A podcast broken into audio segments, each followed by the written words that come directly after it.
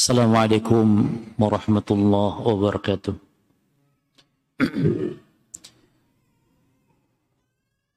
الحمد لله رب العالمين وبه نستعين على أمور دنيا والدين وصلى الله وسلم وبارك على نبينا محمد وعلى آله وأصحابه والتابعين ومن تبعهم بإحسان إلى يوم الدين وسلم تسليما كثيرا أما بعد Para ikhwan dan akhwat kaum muslimin wal muslimat rahimani wa rahimakumullah. Kita melanjutkan membaca kitab Al-Irsyad ila Sahih Al-I'tiqad karya Syekh Saleh bin Fauzan bin Abdullah Al-Fauzan habibullah taala. Kita masih di pembahasan tentang tauhid uluhiyah dan pada pertemuan yang lalu dijelaskan oleh beliau berkaitan macam-macam ibadah Kata beliau wal ibadatu laha anwa'un katsirah. Ibadah itu memiliki macam-macam yang banyak atau bermacam-macam, beraneka ragam sangat banyak sekali di antaranya salat, zakat, ya, puasa dan seterusnya termasuk berjihad. Ya. Demikian pula mencintai Allah, mencintai Rasul itu bagian daripada ibadah. Maka semua jenis ibadah tersebut wajib dipalingkan hanya kepada Allah Subhanahu wa taala. Ya. Maka beliau mengatakan wa yajibu sarful ibadati bi jami'i anwa'iha lillahi wahdahu la syarikalah. Maka wajib untuk memalingkan ibadah seluruhnya itu dengan berbagai macam bentuknya yaitu hanya kepada Allah semata tidak menyuntukan tidak menyekutukan kepada suatu pun. Faman sarafa minha syai'an li maka siapa yang memalingkan dari jenis ibadah tersebut kepada selain Allah seperti kaman da'a ghairu kaman da'a ghairallah seperti berdoa kepada selain Allah atau dzabaha atau nadara li atau seperti orang yang menyembelih atau bernadar untuk selain Allah. Aw ista'ana aw bimayyitin atau beristighosah kepada mayit atau ghaibin atau kepada orang yang gaib yang tidak ada di hadapan dia. Atau bihayyin hadirin fi la alaihi. Atau orang hidup hadir namun tidak memiliki kemampuan. Nah, jadi meminta kepada selain Allah itu diperinci ya. Perincian pertama, meminta kepada selain Allah yang boleh adalah apabila meminta kepada selain Allah tersebut pada perkara yang dia mampu. Orangnya hidup, dianya mampu. Ya. Adapun kepada orang yang mati atau orang yang hidup yang dia tidak mampu, maka memintanya dihukumi selain perkara sia-sia juga dikatakan dipastikan orang ini memiliki keyakinan tertentu. Ya. Misalnya ada orang yang lumpuh dimintai tolong misalnya untuk menggendong dia misalnya, padahal dia lumpuh. Ya. Maka ketika orang minta digendong kepada orang yang lumpuh berarti secara umum dipastikan orang yang minta gendong tersebut pasti memiliki keyakinan bahwa orang lumpuh ini punya kelebihan atau punya sesuatu kelebihan sehingga dia bisa melakukan yang di luar kemampuan dia. Nah ini yang dimaksud. Maka jika memalingkan semua jenis ibadah kepada selain Allah tersebut, faqad asyraka asyirkal akbar, maka dia jatuh kepada syirik yang besar.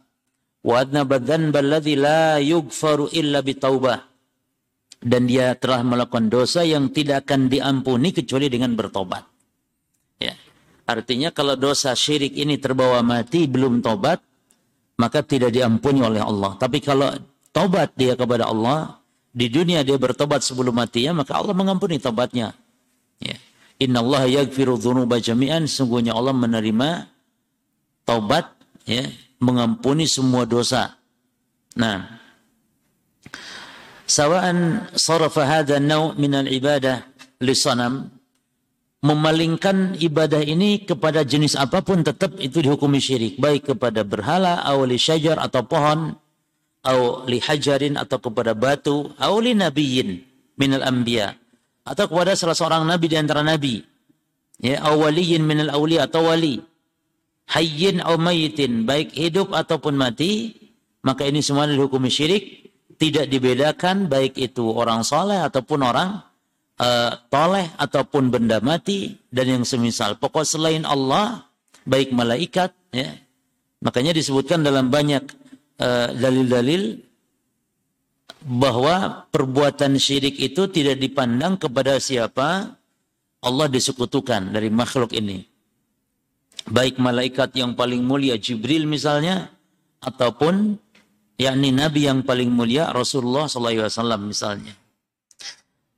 Kata beliau, kama yuf'alu liyawma indal adrihati, sebagaimana banyak dilakukan pada saat kita sekarang, ya, perbuatan syirik ini, beribadah kepada selain Allah ini banyak dilakukan pada hari ini, indal adrihah, di sisi kuburan-kuburan al-mabniyati alal kubur.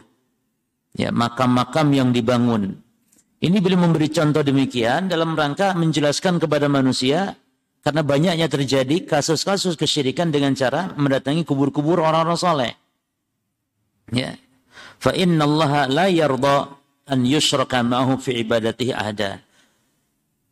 Karena sesungguhnya Allah tidak rela, tidak ridha untuk disekutukan di dalam ibadah dengan siapa pun. Ya. Baik, jadi ini banyak yang terjadi adalah beribadah kepada selain Allah seperti meminta tolong, kepada selain Allah dalam hal yang tidak mampu dilakukan kecuali hanya oleh Allah kepada orang-orang telah meninggal baik itu wali ya sehingga mendatangi kubur-kuburnya dan seterusnya. Disebutkan la malakun muqarrabun wala nabiyyun mursal. Jadi yang disekutukan itu tidak berupa malaikat yang dekat ya. Seperti malaikat Jibril misalnya, wala nabiyyun mursal atau nabi yang diutus ya. Wala waliyun atau para wali wala ghairum atau selain mereka. Ini dihukumi sama. Qala ta'ala Allah Ta'ala berfirman innallaha la yaghfiru an yushraka bihi. Sungguhnya Allah tidak akan menerima atau mengampuni dosa dari perbuatan kesyirikan terhadapnya wa qala ta'ala dan Allah Ta'ala berfirman fala tad'u ma'allahi ahadan maka jangan kalian menyeru bersama Allah yakni selain Allah Kalian seru Allah tapi juga selain Allah disuruh siapa pun, seorang pun. Dan ayat-ayat semacam ini ya, surah An-Nisa 116 kemudian surah uh, Al-Jin ayat 18 fala tad'u ma'allahi ahadan. Kemudian juga dalam surah An-Nisa ayat 36 ini semua Allah taala berfirman misalnya wa'budullaha wa la tusyriku bi syai'a. Dan beribadahlah kepada Allah jangan menyekutukan dengannya sesuatu pun. Jadi di dalam Quran banyak sekali ayat-ayat larangan syirik, larangan syirik, larangan syirik. Dan inilah hakikat syirik. Dan definisinya gampang dipahami oleh orang yang paling jahil sekalipun. Yaitu beribadah, memalingkan ibadah kepada selain Allah. Walaupun Allah diibadahi, maka ini namanya kesyirikan. Jadi syirik itu tidak harus nyembah selain Allah saja. Tapi nyembah Allah dan juga selain Allah. Ya. Bahkan inilah hakikat orang disebut musyrik. Kalau ada orang nyembah kepada selain Allah saja, tidak nyembah Allah, itu disebut bukan orang musyrik, tapi orang kafir. Ya. Orang yang nyembah kepada dewa saja, misalnya, tidak nyembah Allah. Atau orang nyembah pohon saja, tidak nyembah Allah. Atau nyembah misalnya uh, patung saja, tidak nyembah Allah, maka itu orang kafir namanya tidak disebut orang musyrik. Ya. Karena dia tidak nyembah Allah sama sekali. Adapun orang musyrik itu dia yang nyembah Allah, beribadah kepada Allah, berdoa kepada Allah, tapi juga dia minta doa ibadah kepada selain Allah. Ini disebut musyrik. Maka manusia dalam masalah ibadah itu ada tiga golongan. Yang pertama al-muwahid, yang hanya menyembah beribadah kepada Allah saja. Yang kedua al-kafir, yang tidak nyembah Allah sama sekali. Nyembah dewa misalnya. Tidak nyembah Allah sama sekali. Nah, yang ketiga, al-musyrik, orang yang menyekutukan Allah dalam menyembah. Allah disembah, selain Allah juga disembah. Orang musyrik, orang musyrik pasti kafir. Tidak setiap kafir harus disebut musyrik. Jadi demikian kaidahnya. Orang yang musyrik pasti uh, orang yang musyrik disebut kafir karena dia kufur, tidak mengimani, tidak meng, melakukan apa yang diperintah Allah Subhanahu wa taala, membangkang atas perintah Allah. Ya, maka disebut kafir. Tapi orang kafir yang tidak nyembah Allah tidak harus disebut orang musyrik. Ya. Baik. Wa mal asifis syadid, wa mal asafis syadid, namun sayang gitu ya, sangat memprihatinkan uh, faqad faqad ittukhidatil kubur al-yaum maka pada hari ini kubur-kubur telah dijadikan fi ba'dil bilad di sebagian negeri termasuk di Indonesia, termasuk di Mesir, hampir di seluruh negeri Islam. Hampir seluruh ada ya, kecuali di Saudi Arabia jemaah. Di Saudi Arabia tidak ada kuburan keramat sampai hari ini. Ya. Adapun negeri selain Saudi Arabia ya banyak kubur-kubur yang dijadikan ausanan yang dijadikan sebagai berhala-berhala ta'budu min dunillahi mimman yadda'una al-islam yang mereka menyembah beribadah kepada kubur tersebut kepada selain Allah yang dilakukan oleh orang yang mengaku Islam. Jadi orang yang datang kubur memang tidak semuanya demikian jemaah, tapi harus diperinci. Orang yang datang ke kubur memang untuk ziarah kubur saja untuk tujuan mengingat akhirat ini yang benar. Ya, yang kedua, datang ke kubur untuk melakukan ibadah kepada Allah. Ini yang disebut dengan ziarah-ziarah yang bid'iyah, yang bid'ah. Karena ziarah kubur seperti itu tidak disyariatkan. Yani datang ke kubur, berziarah kubur untuk sengaja ibadah di kuburan tersebut. Sengaja salat kepada Allah. Sengaja salat kepada Allah. Ini ziarah bid'iyah namanya. Nah, adapun yang ketiga yang dimaksud oleh Syekh di sini, yaitu yang menyembah ahli kubur. Menyembah dalam arti meminta, meminta pertolongan, meminta bantuan, meminta dimudahkan rizki, dan semisalnya. Atau minta disembuhkan penyakit, atau minta hajat, kebutuhan kepada ahli kubur, ini maknanya menyembah. Jadi makna menyembah itu bukan sujud saya, tapi berdoa maknanya yakni berdoa meminta kepada ahli ahli kubur. Maka ada tiga jenis ya orang yang datang ke kubur. Ziarah syariah, ziarah bid'iyah, dan ziarah syirkiyah. Ya. Ibadah saja kepada Allah ya tidak boleh di kuburan orang soleh karena ini terlaknat, ini seburuk-buruk makhluk kata Nabi. Beliau mengatakan tentang orang-orang Yahudi dan orang-orang Nasrani. Beliau mengatakan laknatullahi alal Yahudi wan Nasara ittakhadu kubura anbiya'ihim dalam lafad wa salihihim masajid. Allah melaknat melaknat yakni Allah menjauhkan rahmat kepada orang Yahudi, orang Nasrani yang telah menjadikan kubur Nabi sebagai tempat ibadah. Jadi beribadah kepada Allah di kubur-kubur, di kuburan-kuburan, di makam-makam, ini adalah sunnahnya orang-orang Yahudi. Sunnahnya orang-orang Nasrani. Yang orang Islam pasti yang orang Islam pasti akan meniru mereka. Ini Nabi yang bicara, Nabi yang telah me menyampaikan kabar ini melalui wahyu. Jadi umat Islam pasti akan meniru-niru kebiasaan Yahudi. La sanana man kana qablakum shibran bi shibrin wa dira'an bi dira'in hatta la dakhalu juhra dhabbin la. Kata Nabi, sungguh kalian, pasti kalian benar-benar akan mengikuti orang-orang sebelum kalian. Sejengkal demi sejengkal, sehasta demi sehasta, bahkan kalau masuk ke lubang biawak pun kalian akan mengikutinya. Para sahabat bertanya, al-Yahud wa Nasara, apakah mengikuti Yahudi Nasrani ya Rasulullah? Kata Nabi Faman, siapa lagi kalau bukan mereka? Nah ketika Yahudi Nasrani suka menjadikan kuburan orang soleh sebagai tempat-tempat ibadah, tempat baca-baca kitab, tempat sholat, maka orang Islam pun pasti. Maka sangat sangat mustahil kalau orang Islam yang tidak ada menjadikan kubur sebagai tempat ibadah. Mustahil, tapi pasti ada, banyak bahkan. Karena Nabi telah bersabda demikian. Ini berita agar kita menjauhi jemaah. Dan kebenaran berita Nabi dengan adanya umat Islam sekarang yang datang ke kubur-kubur orang soleh untuk ngalap berkah, untuk ibadah, ini menunjukkan benarnya Nabi Muhammad sebagai Rasul berarti. Beliau telah memberitakan wahyu yang benar. Tidak meleset. Kalau meleset berarti beliau berdusta. Kalau sekarang umat Islam tidak ada yang datang ke kubur dalam rangka untuk ibadah seperti itu yang dilarang, maka berarti Nabi Muhammad SAW telah berdusta. Dan sekarang ternyata betul kita menyaksikan sendiri banyak orang Islam berbondong-bondong datang ke kubur-kubur orang soleh, ke kubur-kubur keramat, apalagi di momen-momen tertentu ya, di bulan-bulan tertentu yang dianggap bulan yang baik. Tujuannya apa? Tujuannya menganggap lebih afdol ibadah di tempat tersebut berdoa lebih diijabah, kalau sholat lebih makbul. Dan juga mereka banyak ingin hajat-hajat tertentu untuk lancar rezeki misalnya, untuk supaya naik pangkat, atau macam-macam hilangnya penyakit atau yang semisal. Maka ini yang termasuk hal-hal yang diharamkan dalam Islam. Kita nggak mengatakan syirik kalau seperti ini.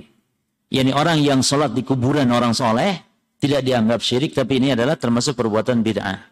Adapun yang meminta kepada ahli kubur dan itu dilarang dalam Islam. Kenapa berdoa kepada Allah, salat kepada Allah, baca Quran kepada Allah di kuburan orang soleh dilarang karena ini sarana.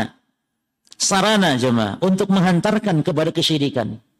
Maka dalam kaidah kul wasilah kul wasilah tu'adi ila syirki setiap sarana yang menghantarkan kepada kesyirikan maka wajib untuk ditutup wajib untuk dijauhi. Ya, setiap sarana. Maka Islam melarang memajang gambar makhluk bernyawa. Islam melarang membuat patung-patung. Ya, Islam melarang sholat atau Islam melarang ibadah di kuburan orang soleh. Kenapa kuburan orang soleh? Karena orang soleh yang dianggap dia kubur itu keramat. Jarang yang menganggap berkah di kuburannya preman kan gitu jarang. Maka di kuburan orang soleh karena menganggap lebih afdal. Hatta di kuburan orang tuanya sendiri tidak melakukan itu. Dia melakukan sengaja datang ke kubur wali, ke kubur orang-orang saleh. Baik. Wa qad yad'u. Terkadang kata Syekh Hafizullah terkadang sebagian dari yad'u ahaduhum sebagian dari mereka itu meminta berdoa gairallah meminta kepada selain Allah fi ayyi makan di mana pun walau lam yakun inda qabrin walaupun tidak harus di sisi kuburan. Jadi banyak yang meminta kepada selain Allah atau yang berbuat syirik ini tidak harus di kuburan orang soleh ya. Ada juga yang tidak atau tidak di kuburan orang soleh tapi di mana pun kaman yakul sebagaimana misalnya ada orang yang mengatakan ya Rasulullah ya Rasulullah misalnya inda mufajaatihi inda qiyamihi.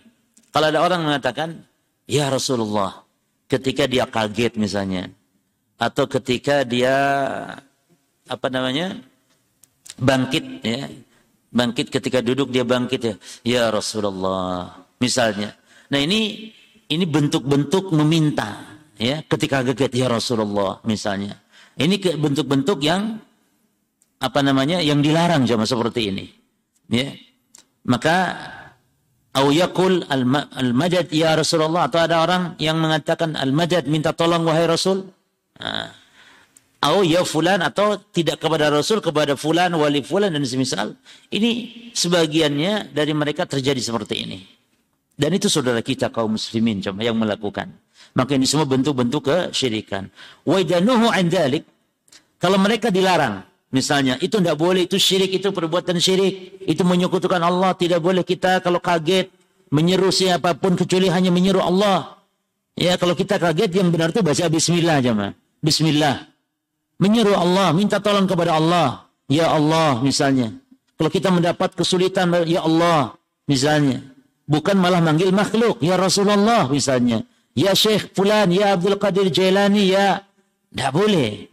Ketika kaget kita langsung yang kita seru malah nama wali.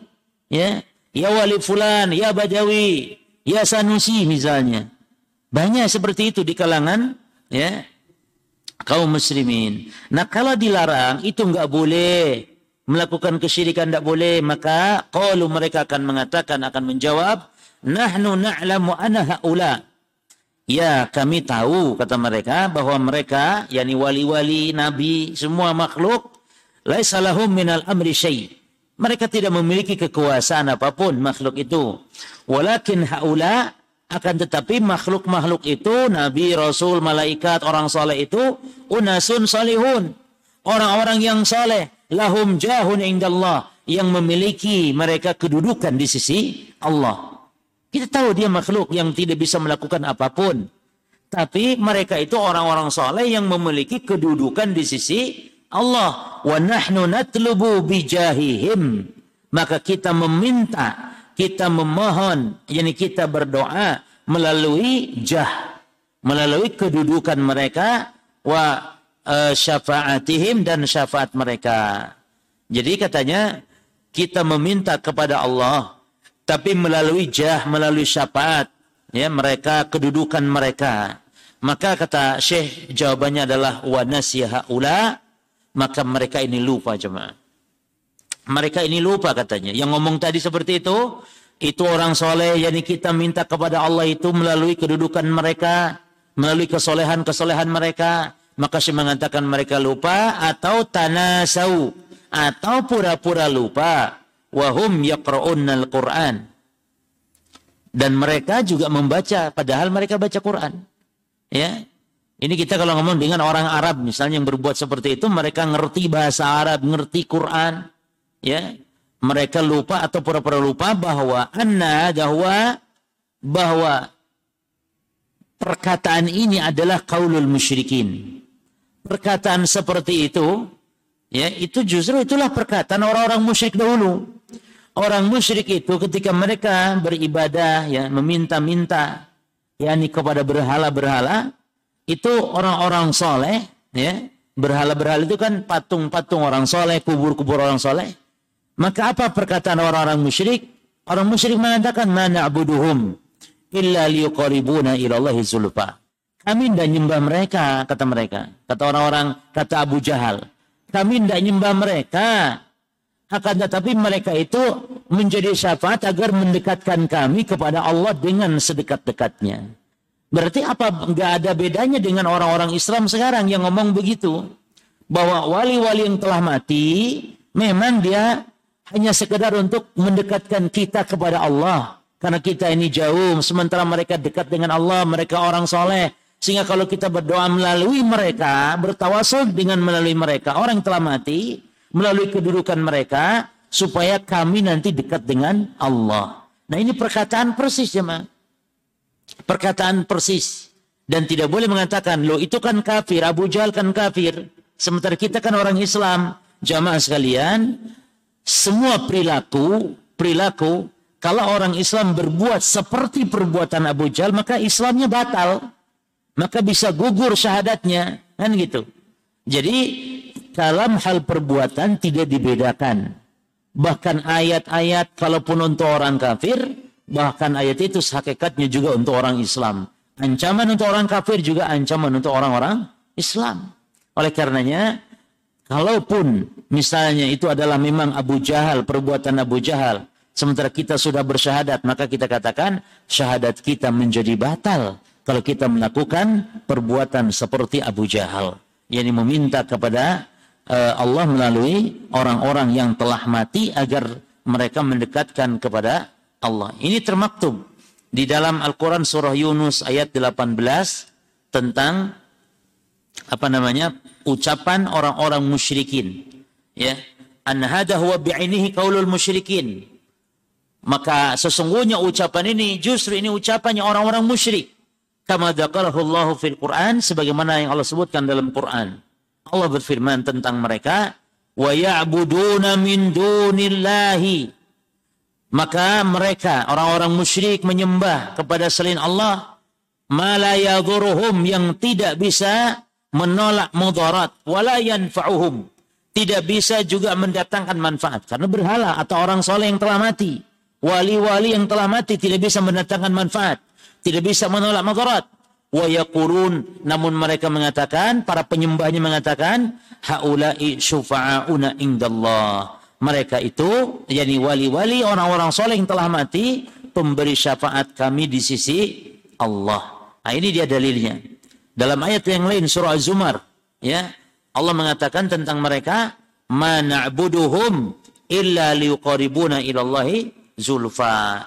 Waladina takhadu min dunihi awliya orang-orang yang nyembah selain Allah yang menjadikan selain Allah sebagai penolong pelindung maka mereka mengatakan mana abuduhum kami nggak nyembah mereka.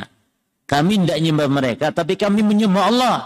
Cuman kami nyembah mereka itu sebagai apa? Sebagai syafaat agar liuqarribuna ilallah zulfa agar mereka bisa mendekatkan kami kepada Allah zulfa dengan sedekat-dekatnya. Maka perhatikan jemaah di sini. Fasammahum kuffaran ya fasammahum kuffaran. Maka Allah Subhanahu wa taala menamakan mereka orang-orang kafir.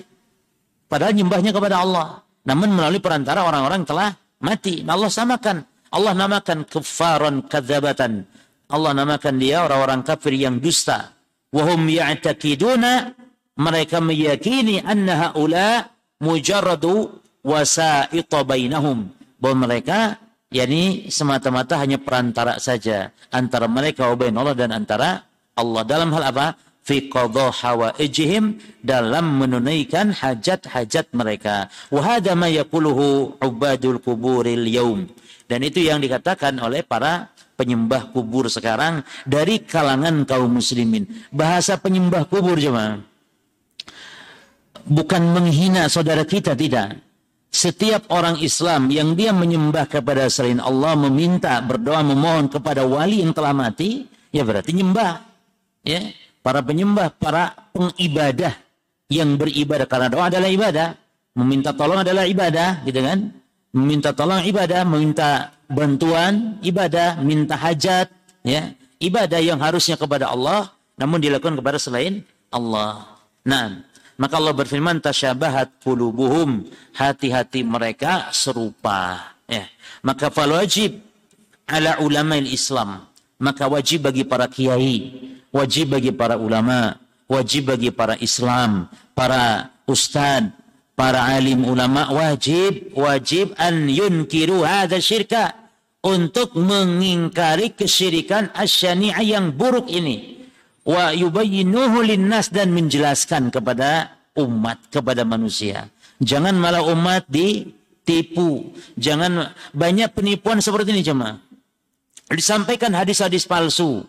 Hadis-hadis yang tidak benar padahal. Siapa yang menjerahi kubur wali, maka seperti ibadah haji 40 kali. Siapa yang minta hajat kepada Allah di kubur-kubur wali dan seterusnya. Maka ini adalah merupakan pembodohan. Ya maka harus menjelaskan kepada manusia, selamatkan manusia dari kesyirikan. Fal wajibu ala hukamil muslimin. Juga wajib bagi para pemerintah. Para pemerintah, pemerintah Islam. ya Pemerintah yang yakni memahami syariat Islam, pemerintah yang paham syariat. Maka wajib bagi mereka untuk hadmu hadhil awthan untuk menghancurkan berhala-berhala tersebut. Arti menghancurkan yakni kuburan yang tinggi-tinggi itu harus diratakan sejengkal sebagaimana kata Imam Syafi'i. Jadi kata Imam Syafi'i kuburan itu tidak boleh tinggi, harus satu jengkal. Jadi maksud meratakan kuburan dan Nabi juga memerintahkan kepada Ali bin Abi Thalib. Ali perintahkan uh, Nabi diperi, memerintahkan kepada Ali wahai Ali tidak engkau jumpai kuburan yang tinggi kecuali engkau ratakan ya ini rata maksudnya satu jengkal karena sekarang banyak kuburan-kuburan dibangun seperti istana, seperti yakni dan itu tujuannya agar apa? Agar manusia menganggap hal itu nanti keramat, agar menganggap hal itu sakral dan semisalnya.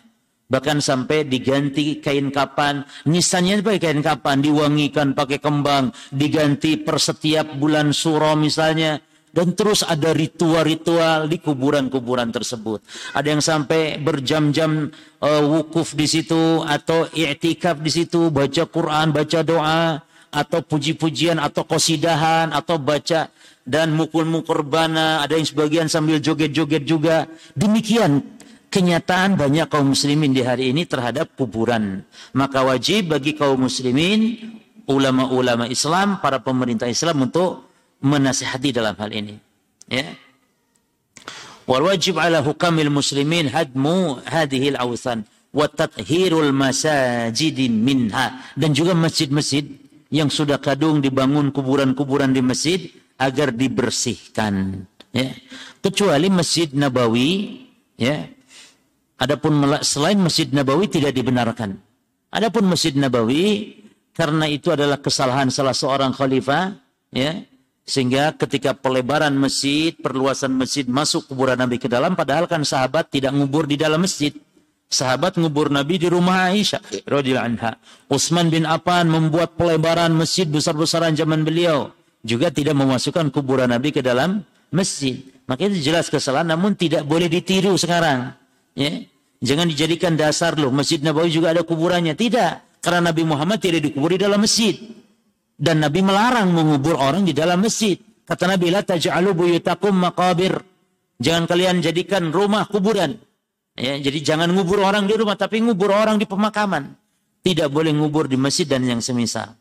Kemudian waqad ankara katsirun minal aimati al-muslihin dan banyak ulama-ulama dakwah yang mengingkari hada syirka kesyirikan ini wa nahau anhu wa wa andaru mereka melarang mereka memperingatkan ya dan mereka yakni menjelaskan bahaya-bahayanya di antara ulama yang menjelaskan ini makanya ulama yang menjelaskan ini mesti dimusuhi oleh ahli bid'ah oleh orang-orang yang pemuja kubur mesti dimusuhi. Siapa di antaranya? Syekhul Islam Ibn Taimiyah rahimahullah taala wa uh, tilmidhuhu Ibnul Qayyim. Di antaranya Syekhul Islam. Di antara lagi muridnya Ibnul Qayyim. Di antaranya lagi Muhammad Ibn Abdul Wahab sehingga bahkan saking saking bencinya sehingga menggelari dengan hal yang buruk dengan istilah Wahabi dan yang semisalnya. Wa Syekh Muhammad bin Ismail As-San'ani juga Imam San'ani di Yaman. Wa Syekh Muhammad bin Ali Syaukani Demikian pula Imam Syaukani dan banyak ulama-ulama lain, ya baik yang dulu ataupun yang sekarang, dan ini sebagai buktinya adalah wahadihi mu'alafatuhum baina aidina, yaitu apa buktinya ulama-ulama tadi sangat melarang kesyirikan, menjelaskan kesyirikan, memperingatkan bahaya kesyirikan. Buktinya apa? Kitab-kitabnya ada. Kita baca, kita bisa pelajari, kita bisa uh, menyebarkannya kepada kaum muslimin ya kitab-kitab mereka kitab Syekhul Islam kitab Ibnu Qayyim kitab Syekh Ibn Abdul Wahab kitab Imam Syaukani dan semisalnya wa fi dzalika yaqulu Imam Syaukani contoh. Imam Syaukani mengatakan contoh ini di dalam kitabnya Nailul Autar. Wa kam qad sara an tashhidi abniyatil kubur perhatikan jemaah ya. Kata Imam Syaukani berapa banyak ya Berapa banyak kerusakan yang lahir dari pendirian bangunan ya yang dibangun di atas kubur. Watahsiniha dan memperbagus. Jadi kuburan diperbagus, diperindah itu jemaah. Ya, kadang masya Allah sampai ada lampu kelap-kelip, ada warna-warni reno-reno, ada kelambunya, ya diperindah kuburan-kuburan. Maka min mafasid ya di antara banyak kerusakan-kerusakan yabkil hal Islam yang membuat Islam menangis ya membuat Islam menangis menjadi rusak syariat ini jadi yang merusak kalau orang kafir jemaah melihat praktek-praktek seperti itu itu sangat menjijikan sekali Orang kafir tidak akan bisa tertarik dengan Islam kalau ditampakkan seperti itu. Joget-joget di kuburan, ya rame-rame di kuburan, baca-baca qasidah di kuburan dan semisal. Ya, maka ini membuat Islam menangis kata Syekh uh, kata Syekh Al-Imam Syaukani. Minha di antaranya yakni berupa keburukan ya i'tiqadul jahalah laha ya yakni orang-orang yang awam, yang bodoh yakni meyakininya ya, meyakininya ka'tiqadil kuffari lil asnam seperti keyakinan orang-orang kafir terhadap berhala.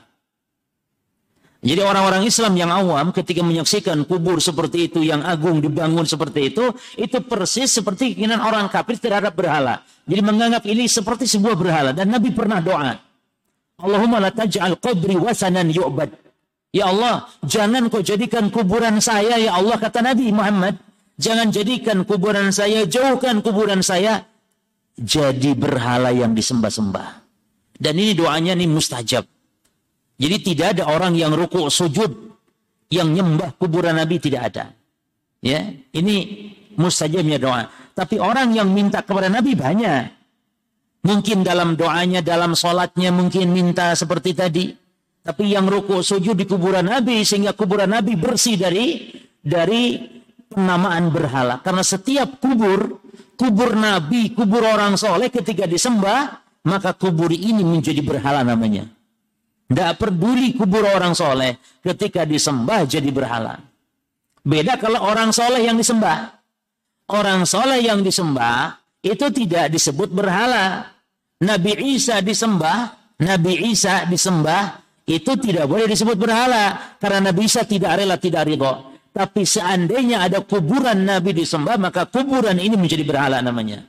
Maka Nabi berlindung kepada Allah Nabi meminta kepada Allah agar jangan jadi agar jangan kuburannya menjadi berhala dan mustajab. Doa Nabi diijabah oleh Allah Subhanahu wa taala. Ya dan menjadi semakin besar. Fadhannu annaha qadirun yakni yang asalnya hanya seperti kuburan biasa saja namun menjadi besar fitnahnya yaitu apa? Fadhannu orang-orang awam bodoh tadi menganggap annaha qadirun bahwasannya kubur, ahli kubur itu mampu ala jalbin naf'i wa daf'id darar. Mampu mendatangkan manfaat menolak mudarat. Jamaah sekalian, kalau antum ingin tahu, walaupun ya nggak perlu lah ya, kalau ingin tahu, coba datangin saudara kita yang sedang datang ke kubur-kubur keramat, ya, apa yang mereka baca, apa coba deketin. Itu ada yang sampai seperti itu jemaah. Ada yang menyampaikan hajatnya. Ada yang sampai yakni meminta. Maka ini kenyataan yang kita tidak bisa pungkiri. Ya. Apa yang dikatakan para ulama ini benar. Yani sehingga menyangka kubur tersebut yakni ahli kubur orang yang mati tadi orang soleh tadi mampu mendatangkan manfaat menolak mudarat akhirnya ya faj'aluha maqsidan li talabi qada'il hawaij. Sehingga ketika mendatangi kuburannya itu dia meniatkan untuk menunaikan hajat-hajat wa malja'an li najahil matalib dan juga untuk supaya terhindar dari mudarat. Wasa'alu minha dan mereka meminta kepada kubur-kubur tersebut maya saluhul ibadu min rabbihim seperti seorang hamba meminta kepada Allah. Ya, Demikian. Jadi awalnya demikian. Awalnya ziarah, awalnya biasa, awalnya hanya berdoa kepada Allah, tidak berdoa kepada ahli kubur tidak, tapi lama-lama dengan adanya uh, apa yang dia lihat, apa yang dia dianjurkan sehingga akhirnya dia melakukan kesyirikan jatuh kepada meminta kepada selain Allah.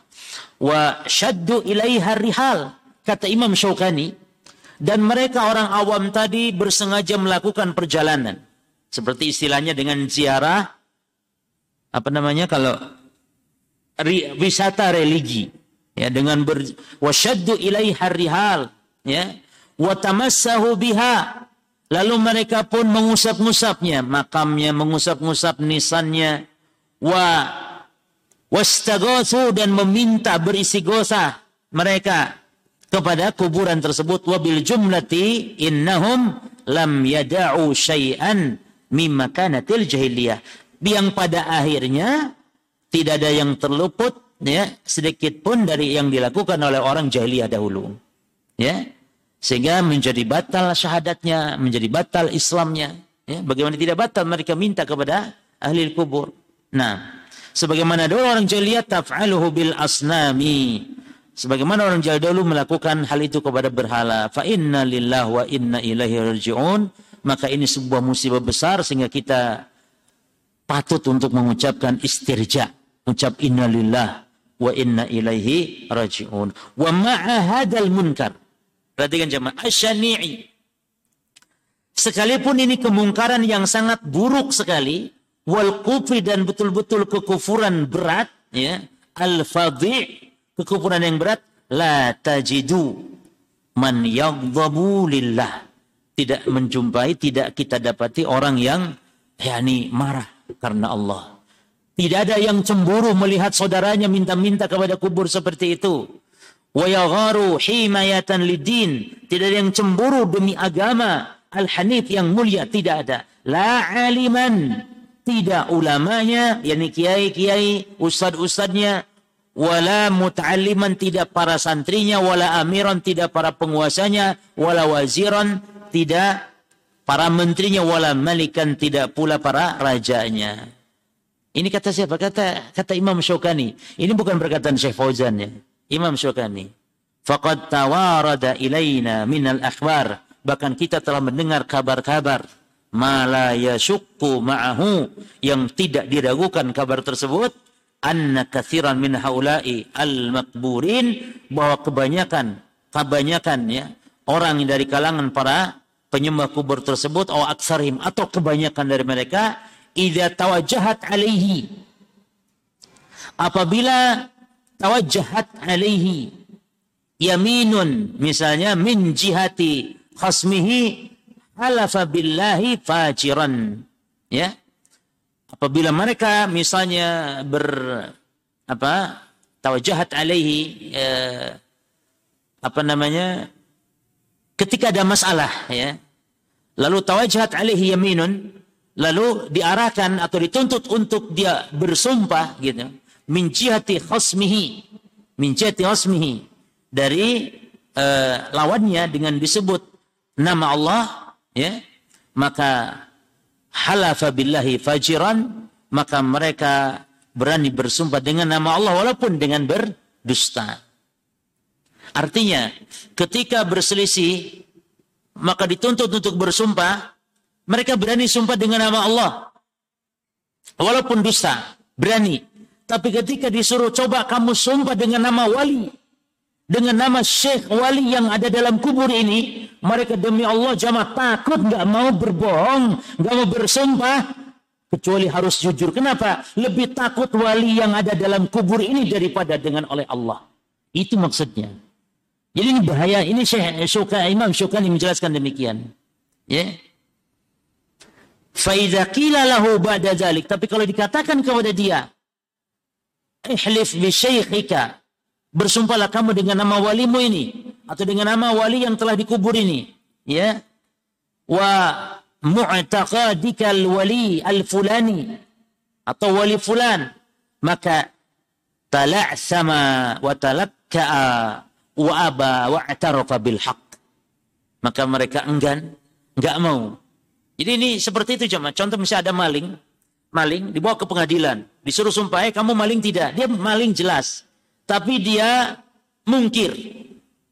Mungkir dia. Dia mengatakan tidak, saya tidak mencuri. Ya. Lalu kata hakim, kamu coba bersumpah. Bersumpah dengan nama Allah kalau kamu tidak mencuri. Dia berani. Saya bersumpah demi Allah tidak mencuri. Padahal mencuri. Baik. Lalu hakim tanya lagi. Baik, kalau gitu sekarang kamu sumpah dengan nama wali Syekh Abdul Qadir Jailani. Coba kamu sumpah dengan nama itu maka dia takut tidak berani. Akhirnya apa dia ngaku akhirnya. Iya, saya tidak berani sumpah atas nama Syekh Abdul Qadir Jilani. Iya, saya yang malingnya itu, saya pencurinya. Demikian jemaah. Sampai demikian dan itu kenyataannya, ya. Wahada min abyanil adillah dan ini adalah bukti yang paling nyata adalah ala anna syirkahum bahwa kesyirikan mereka itu qad balagha fauqa syirkin man qala fauqa syirkin man qala innahu ta'ala thani ithnain au thalithu thalathah. Ini bukti yang paling nyata bahwa kesyirikan mereka telah mengalahkan syirik orang yang mengatakan Allah itu adalah satu dari dua atau tiga unsur. Ya. Artinya cuma, artinya dia telah betul-betul jatuh kepada kekufuran. Karena orang yang mengatakan Allah itu dua, tiga, kan kufur. Maka demikian pula orang yang seperti itu. Ya. Jadi dia tidak takut lagi kepada Allah, tapi lebih memilih takut kepada wali yang dikubur. Makanya kalau ada orang Islam, ada orang Islam lewat ke kuburan, kalau takut, takut tobiin, tidak masalah. Jemaah. Takut pocong, ya tidak masalah itu. Takut peteng gelap, tidak masalah. Tapi kalau lewat kuburan seorang wali, ya, dia takut ada bahaya, kewalat dan semisal, kalau jalannya tidak membungkuk misalnya, atau kalau tidak permisi misalnya, maka ini adalah sebuah kesyirikan yang ini hukumnya syirik besar jemaah. Dan ini banyak kaum muslimin melakukan ini. Kalau lewat di tempat yang dianggap angker, dia mengatakan permisi mbah, putumu lewat, cucumu lewat, katanya jangan ganggu ya penguasa dan semisalnya. Maka faya ulama idin. Maka Imam Syukani mengatakan, wahai para ulama-ulama Islam, wama waya mulukal muslimin, wahai para raja-raja, ini para pemimpin pemerintah Islam. Ayu ruz'in lil Islam asyadu minal kufri. Maka kerendahan dalam Islam yang mana yang lebih besar, lebih rendah daripada kekafiran. Wa ayu bala'in lihada din dan bencana mana yang lebih besar terhadap agama adarru alaihi min ibadati ghairillah daripada bencana menyembah kepada selain Allah. Eh, makanya para jemaah sekalian, eh, di antara keberkahan negara Saudi ya, walaupun sekarang sudah itu karena cukup dari satu sisi ini saja. Ini di Saudi, di Saudi Arabia tidak ada kesyirikan-kesyirikan, kuburan keramat tidak ada, tidak ada orang yang kalah berkah ke kuburan. Maka dari sini sudah menunjukkan ke keberkahan, ya. Dan pemerintah juga walaupun kurang maksimal namanya manusia masih menegakkan syariat Islam, ya. Masih menegakkan syariat Islam di sana. Demikian pula setiap para dukun-dukun akan dihukum mati. Di Saudi walhamdulillah dukun-dukun dihukum mati. Dan itu sangat jarang. Tapi kalaupun ada kasus, beberapa kasus akan dihukum mati. Tapi di kita kan Masya Allah. Ya bukan Masya Allah tapi innalillah berjamaah. Itu yang pawang hujan itu kan malah malah viral, malah ngetop, malah jadi artis. ya Yang pawang hujan. ya Malah ke mana-mana ditanya sama wartawan dan seterusnya. Ditanggap gitu loh. Jadi ditanggap. Ditanggapi kemudian di Masya Allah. Dan kadang orang-orang Islam juga yang nyebar-nyebarkan video-videonya. Ya, Ini kan musibah berjamaah. Dukun. Ya. Dukun pawang hujan Nah, maka wa ayu musibatin yusabu bihal muslimun. Ya. Maka musibah mana yang lebih berat bagi kaum muslimin? Ta'dilu hadil musibah. Ya, daripada musibah ini yaitu menyembah kepada selain Allah. Wa ayu munkarin yajibu inkaruhu. Dan kemungkaran mana yang paling wajib diingkari? Ilam yakun inkaru hada syirki al-bayin wajiban yakni daripada mengingkari kesyirikan yang buruk dan lagi jelas ini. Jelas sebenarnya jemaah. Hadis-hadisnya juga jelas ya, dilarang ibadah di kuburan, ya. Hadis-hadisnya jelas. Namun ternyata ini adalah banyak yang diam kata Syekh Fauzan. Banyak yang diam, ya. Demikian pula dibenarkan oleh Al-Imam Asy-Syaukani. Nah, lalu beliau membacakan yakni syair atau membacakan enam pepatah gitu laqad laqad asma'ta law nadaita hayyan sungguh engkau telah memperdengarkan kalau engkau yang kau seru itu adalah hidup ya. sungguh laqad asma'ta law nadaita hayyan sungguh engkau telah memperdengarkan kalau yang engkau seru itu adalah hidup walakin la hayata liman tunadi tetapi yang engkau seru itu tidak memiliki kehidupan. Walau naran nafakhta biha adha'at. Kalau api yang kau tiup niscaya dia akan dapat menerangi. Walakin anta tanfuhu fi ramadin. Tapi engkau hanya meniup abu yang gosong. Artinya uh, sia-sia gitu. Jadi meminta kepada ahli kubur orang yang telah mati ini hal yang sia-sia. Intaha kalamu syaukani rahimallah Selesailah perkataan Al-Imam Asy-Syaukani rahimahullah taala wa qad zadal bala ba'dahu. Nah, perhatikan kata Syekh Fauzan dan bencana itu semakin bertambah setelah beliau wafat. Artinya kan beliau di zaman ya, beliau hidup di abad uh, uh, di abad apa jemaah? Hidup di tahun 1000 1200 ya. 1200 Hijriyah, ulama Yaman. Nah setelah itu kan banyak kesyirikan-kesyirikan. Wasora asyada mimma wasofa. dan ternyata lebih buruk dari apa yang disampaikan oleh Imam Syukani. Wala haula wala quwata illa billahil aliyil azim. Tidak ada upaya kecuali hanya dari Allah Subhanahu wa taala. Baik. Ini dia di antara poin penting berjamaah ya bahwa uh, ibadah wajib dipalingkan hanya kepada Allah Subhanahu wa taala dan di antara bentuk sekarang pemalingan ibadah kepada Allah dengan cara apa?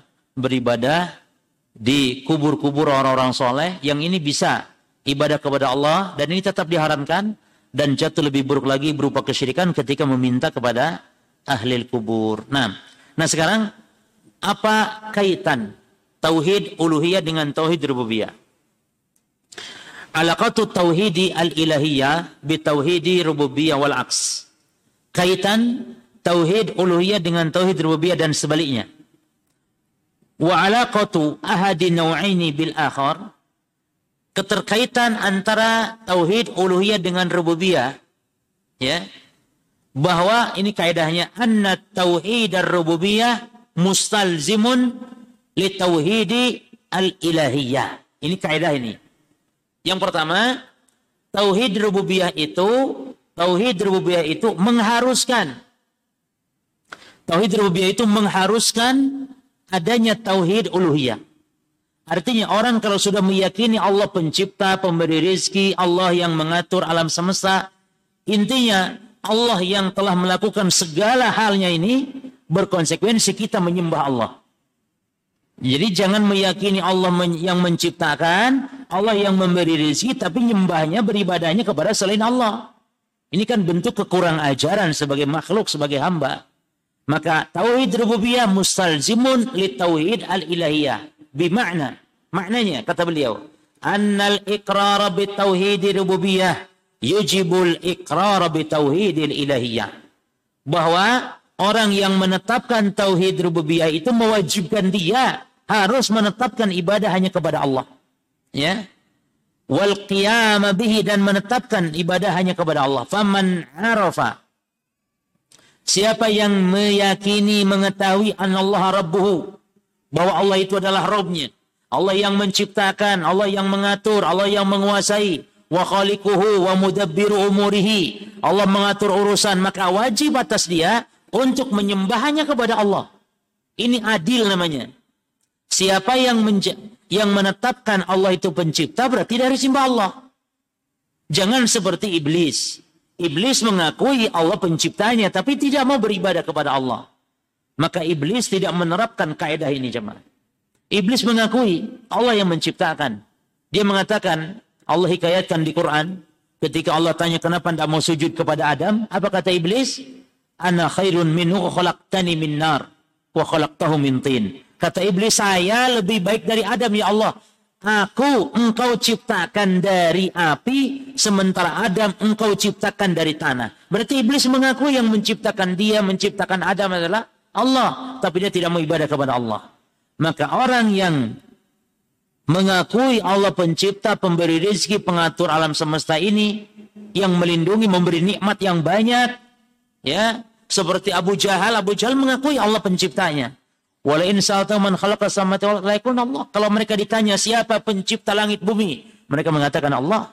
Namun mereka tidak beribadah hanya kepada Allah. Maka ini konsekuensinya. Orang yang bertauhid rububiyah mengharuskan dia bertauhid uluhiyah. Sebaliknya, wa tauhidul uluhiyah mutadamminun li tauhidi rububiyah. Tauhid uluhiyah itu terkandung di dalamnya tauhid rububiyah. Kalau tadi tauhid rububiyah mengharuskan tauhid uluhiyah, kalau ini dibalik. Tauhid uluhiyah terkandung di dalamnya tauhid rububiyah. Artinya, orang kalau sudah nyembah Allah, pasti orang itu akan menetapkan Allah pencipta. Pasti akan menetapkan Allah yang melindungi, menciptakan, mengatur, memberi rizki. Pasti itu. Ya.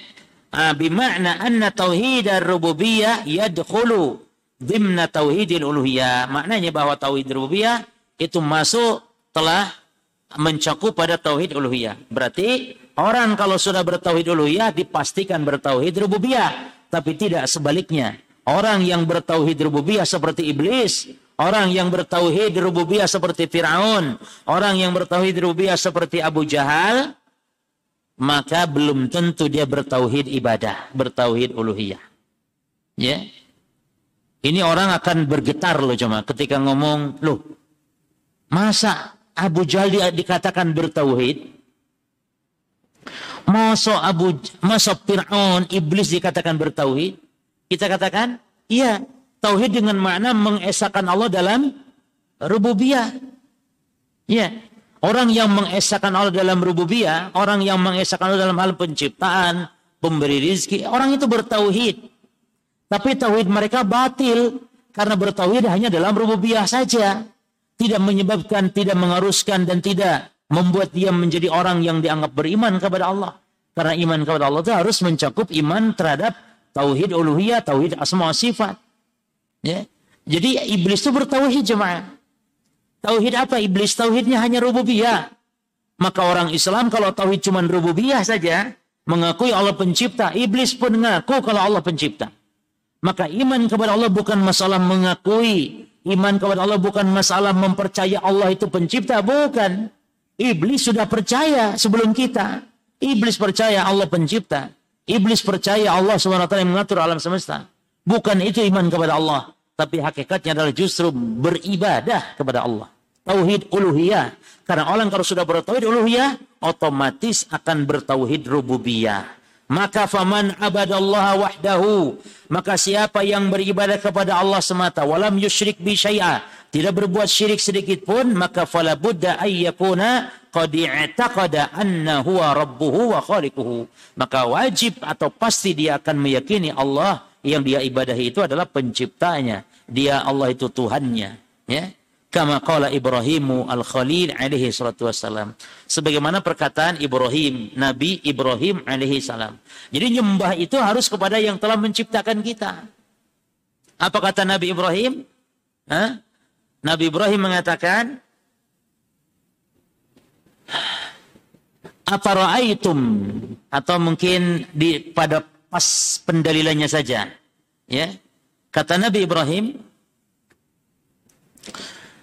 apa ra'aitum ma kuntum ta'buduna? Apakah kalian memperhatikan apa yang kalian sembah kata Ibrahim? Ya. Dan juga antum wa abaukum yang kalian dan bapak-bapak kalian sembah alak damun dari orang-orang yang terdahulu. Ya. Aduun li. Sesungguhnya mereka yang kalian sembah itu adalah musuhku kata Ibrahim. Illa rabbal alamin. Ya. Kecuali rabbul alamin. Ya. Alladhi khalaqani fahuwa yahdin. Yang telah menciptakan aku rabbul alamin tersebut. Dan dia yang telah memberi petunjuk kepadaku. Waladhi huwa yut'imuni wa yaskin. Wa idza maritu fa huwa yashfin. Waladhi yumittuni yumittuni summa yuhyin. Waladhi at'am waladhi atma'u an yaghfira li khati'ati yaumaddin jadi kata Nabi Ibrahim Allah itu yang aku sembah ya itu adalah Rabbul Alamin yang menciptakan aku, yang memberi petunjuk kepadaku, yang yut'imuni memberi makan kepadaku, wa yaskin yang telah memberi minum kepadaku, wa idza maritu fa yashfin yang kalau aku sakit dia yang menyembuhkan, waladhi yumituni yang mewafatkanku, kemudian menghidupkanku, waladhi atma'u an yaghfira li khati'ati dan yang aku sangat berharap sangat kuinginkan agar dia Allah mengampuni dosaku nanti pada hari kiamat. Nabi Ibrahim di sini menggandengkan, menggabungkan antara uluhiyah dengan rububiyah. Artinya, yang harus aku sembah itu yang telah menciptakan Rabbul Alamin. Ya, maka uluhiyah wa rububiyah taratan yudkarani ma'an sehingga uluhiyah dan rububiyah itu terkadang disebutkan secara bersamaan, terkadang tidak disebutkan secara bersamaan tapi salah satunya. Contoh yang disebutkan bersamaan itu seperti Allah berfirman, Ya Yuhanna su'budu rabbakum. Ya Yuhanna su'budu. Ini uluhiyah. Beribadalah kalian rabbakum. Kepada Rabb kalian yang telah menciptakan kalian. Ini disebutkan dua-duanya. Antara uluhiyah, u'budu. Dan antara rububiyah dalam kata rabbakum. Ada terkadang disebut salah satu contoh. Pertanyaan munkar nakir kelak di alam barzah itu yang ditanya man rabbuka. Ini maknanya walaupun disebutkan rububiyah saja man rebuka, namun maknanya adalah yang ditanyakan sebenarnya siapa yang kalian ibadahi. Artinya wama ma'buduka yakni siapa ya? Siapa yang kalian sembah? Makanya man rebuka itu jangan diartikan siapa Tuhan yang menciptakan langit bumi, bukan itu pertanyaan munkar nakir. Tapi man rebuka itu siapa Rob yang kalian ibadahi ketika di dunia. Jadi di situ disebutkan Rob saja rububiyah, maknanya berarti masuk di dalamnya uluhiyah. Ya. Maka kata Syekh di sini wal uluhiyah wa rububiyah taratan yudkarani ma'an fayaktariqani atau fayaktariqani fil ma'na ya. Uh, wa yakunu ahaduhuma qasiman lil akhar. Ini tauhid uluhiyah dan rububiyah itu terkadang disandingkan, maka maknanya keduanya kalau disandingkan berbeda berarti. Rububiyah berkaitan dengan perbuatan Allah yang menciptakan, menghidupkan, mematikan. Kalau ibadah berkaitan perbuatan hamba dalam menyembah Allah, itu perbedaannya antara rububiyah uluhiyah. Namun terkadang disebut salah satunya, ya, salah satunya. Maka ini maknanya sama saja. Uluhiyah ada rububiyah, rububiyah ya uluhiyah. Ya. Contoh misalnya, yang disebutkan salah satu saja kul seperti tadi contoh munkar nakir ya. Contoh yang lain dalam Quran kul a'udzu bi rabbin nas. Ini rabb nas ya malikin nas. Nah katakanlah aku berlindung kepada Allah Rabbnya manusia malikin nas raja manusia ilahin nas sesembahan manusia. Maka di sini digabungkan antara apa? Rabb nas dan ilah nas rububiyah dan uluhiyah digabungkan. Fayakun makna Rabb, maka kalau digabungkan apa bedanya? Rabb artinya huwal malikul mutasarrif fil khalqi. Dia pemilik, pengatur makhluk. Itu Rabb artinya. Jadi Rabb itu pencipta, penguasa dan pengatur makhluk. Wa yakunu makna ilah dan bedanya kalau makna ilah yakni anahul ma'bud. Ma'al ma'bud yakni sesembahan bihaqil mustahiq lil ibadah yakni sesembahan yang berhak disembah. Itu makna al-ilah. Ilah itu artinya sesembahan. Tapi kalau makna Rob, beda. Bukan sesembahan Rob itu. Kalau digabungkan antara Rob dan al-ilah. Jadi Rob itu adalah pencipta, pengatur, penguasa. Kalau ilahnya sesembahan. Rububiyah, pengatur, pencipta. Uluhiyahnya adalah sesembahan. Itu bedanya. Kalau digabung, kalau disebutkan salah satu saja, maka artinya sama. Maka kata beliau, wataratan yudkaru ahaduhuma mufradan anil akhar. Maka terkadang disebutkan salah satu saja. Maka fayaj fayajtami'ani fil makna. Maka jika demikian berarti maknanya satu. Sama dengan fakir miskin. Fakir beda dan miskin beda kalau disebutkan dua-duanya. Iman dan Islam. Ya, demikian.